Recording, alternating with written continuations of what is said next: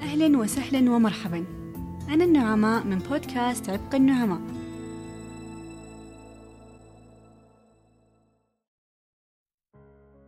في البداية خلوني أقول لكم بعض القصص اللي منها بنعرف وش موضوع حلقة اليوم وبنتكلم فيه بالتفصيل.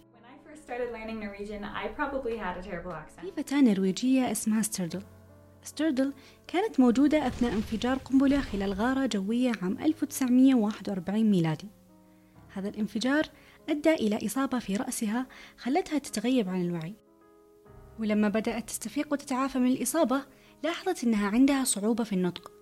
وبعد عدة محاولات تكلمت لكن باللهجة الألمانية. Tired, very tired.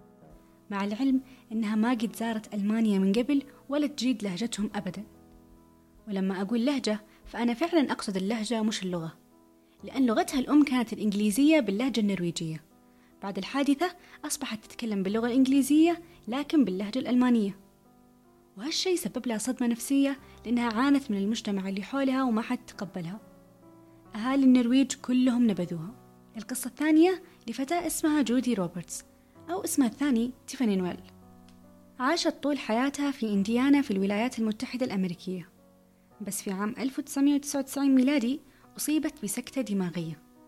ولما تعافت منها صارت تتكلم باللهجة البريطانية. وهي طول عمرها عايشة في أمريكا وما عمرها راحت بريطانيا. كمان عام 2006 أصيب رجل أسترالي بالسكتة الدماغية بسبب سوء استخدام دواء يهدئ الأعصاب والعضلات.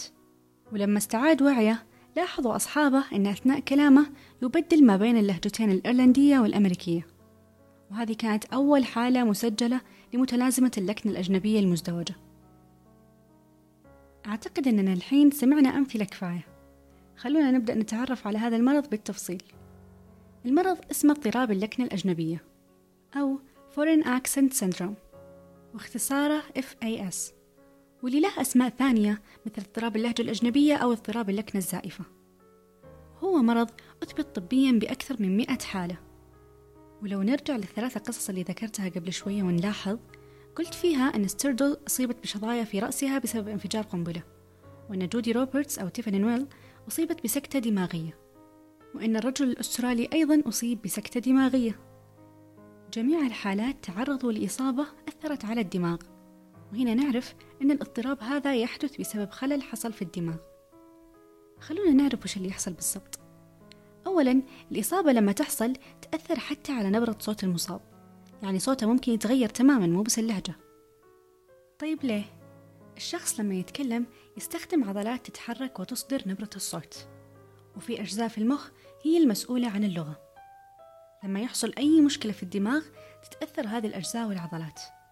إما أنه ينقص عليها الأكسجين أو إنها تتضرر ويحصل فيها تلف أو إصابة بشكل مباشر. فلما يجي الشخص وقتها بيتكلم يتكلم بنبرة ولهجة مختلفة. أعتقد الحين صار واضح ليه الصوت يتغير. بس اللهجة للآن السبب مو واضح. خلوني أفصل لكم شوي. المشاكل اللي تحصل بالعادة تكون نتيجة للضرر اللي حصل في منطقة في المخ اسمها البروكز اريا هذه المنطقة موجودة في يسار الدماغ وهو الجزء المسؤول عن إنتاج الكلام. لما تحصل فيه أي مشكلة أو ضرر على طول يصير في مشكلة في نطق الأحرف. مثل الحروف RST هذه الحروف عادة تتأثر. والأصوات اللي يكون فيها اللسان خلف الأسنان العلوية الأمامية مباشرة مثل حرف T و D. جربوا تنطقون هالحرفين وبتلاقون أن اللسان خلف الأسنان العلوية الأمامية. حروف العلة كمان بتلقون الشخص إما يمد فيها بزيادة أو إنه ينطقها بشكل مشوه. كمان ممكن يزيد أصوات الحروف أو يغير أصوات الحروف. هذه الاختلافات اللي تحصل هي اللي تظهر لنا أن الشخص يتكلم بلهجة مختلفة. بمعنى لو ركزنا اللهجة البريطانية دائما أبطأ وأثقل من الأمريكية وينطقون حروف العلة بشكل أطول من الأمريكية Water. Water. Water. فلما الشخص يصاب بهذه المتلازمة تتغير طريقة نطقه للأحرف وتصير تشبه لهجة أخرى وبكذا نقول عنه إنه أصبح ناطق بلهجة عمره ما تعلمها ممكن لما يجي يتكلم بلهجة الأم يصير كأنه مبتدئ وينطقها بشكل ركيك وأي أحد يسمعه ما بيصدق إن هذه لهجة الأم طب إيش الأمراض اللي ممكن تحصل في البروكز اريا وتسبب هذه الاضطرابات؟ أولا السكتة الدماغية لما الدم اللي يوصل للدماغ ينقطع تماما أو حتى جزئيا أو يحصل أي عامل خطر للسكتة الدماغية مثل ارتفاع ضغط الدم أو تشوهات القلب اللي تأثر في ضغط الدم للجسم أو ارتفاع مستوى الكوليسترول في الدم التدخين وشرب الكحول كثير أسباب أخرى ممكن تسبب السكتة الدماغية. ثاني مرض إصابات الدماغ القوية اللي تكون بسبب حاجة حادة أو قوية مثل شظايا القنبلة في حادثة استردل أو أن شخص يسقط على رأسه بشكل قوي أو أي حادثة ممكن تسبب إصابة قوية للدماغ. ثالث مرض هو تمدد الأوعية الدموية اللي يخليها تتوسع وبالتالي تتشقق ويصير فيها نزيف داخلي. هذه الأمراض تزيد من خطر الإصابة بمتلازمة اللكنة الأجنبية. وعلى فكرة المرض هذا مو بس يصيب متحدثي اللغة الإنجليزية. لا ممكن شخص عربي ويتحدث اللغة العربية يكون مثلا يتكلم اللهجة السعودية وفجأة يصير يتكلم اللهجة المصرية أو السودانية أو الكويتية أو أيا يكن من لهجات العرب. طيب كيف يتم تشخيص الحالة؟ أول شيء من الأعراض ممكن يكتشف الدكتور الإصابة بالمرض. والأعراض هي أن الشخص يتكلم بطريقة مختلفة عن المعهودة أو أن نبرة صوته تختلف. في بعض الحالات يحصل تنميل يبدأ في الفك واللسان ثم ينتشر تدريجيا لكل الجسم. من خلال هذه الأعراض ممكن الدكتور يكتشف. أيضا من خلال التاريخ الطبي العائلي الكامل وبيسوي بعض الاختبارات والأشعات عشان يعرف الأجزاء اللي تضررت في الدماغ واللي هي الرنين المغناطيسي أو الأمراي أو التصوير المقطعي الحاسوبي أو مخطط كهربي للدماغ. عدة فحوصات ممكن يكتشف فيها الجزء المتضرر والضرر اللي حصل وكيف تدفق الدم داخل الدماغ. بعدين يسوون له اختبارات للغة. يعني يخلونه ينطق بعض الكلمات والجمل ويسجلون صوته ويحللون نطقه للكلمات والحروف والأصوات وكل شيء. وآخر شيء لازم يتأكدون من صحته النفسية. عشان يتأكدون أن المتلازمة هذه ما نتجت عن حالة نفسية أصبت بها. لأن كثير من مشاكل النطق ممكن تحصل بعد المشاكل النفسية أو الصدمات العاطفية. التشخيص يحتاج فريق طبي مش طبيب واحد. طبيب مخ وأعصاب عشان يحدد المشكلة اللي حاصلة في الدماغ ويعالجها وأخصائي نطق وتخاطب عشان يحدد إيش المشاكل والتغيرات اللي طرأت عليك في نطقك. وممكن كمان يحتاجون طبيب قلب إذا المشكلة كانت متعلقة بقلب المريض.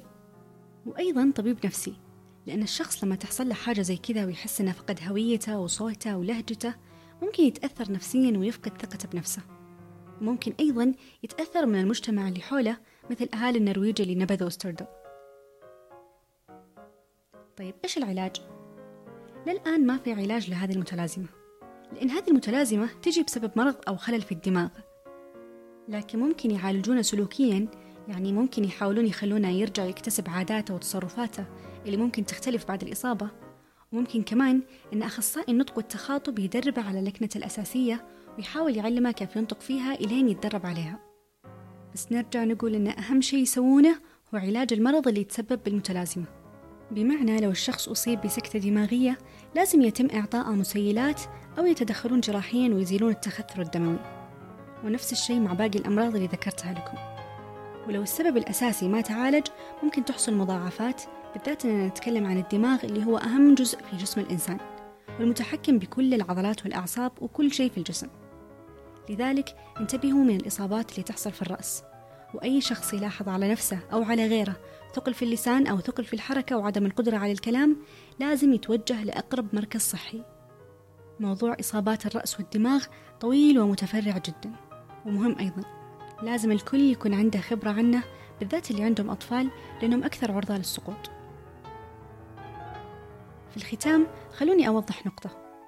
في كثير قصص متداولة عن أن شخص يصاب بإصابة في الدماغ بعدين يبدأ يتكلم بلغة مختلفة تماما. وأنا هنا أتكلم عن اللغات مو اللهجات. هذه الحالة طبيا ما تم إثباتها. ما في حالات مثبتة طبيا لأشخاص نطقوا بلغة مختلفة تماما.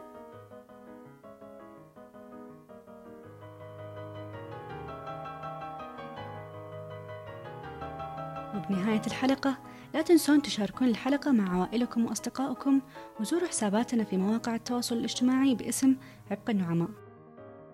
وشكرا لحسن الاستماع.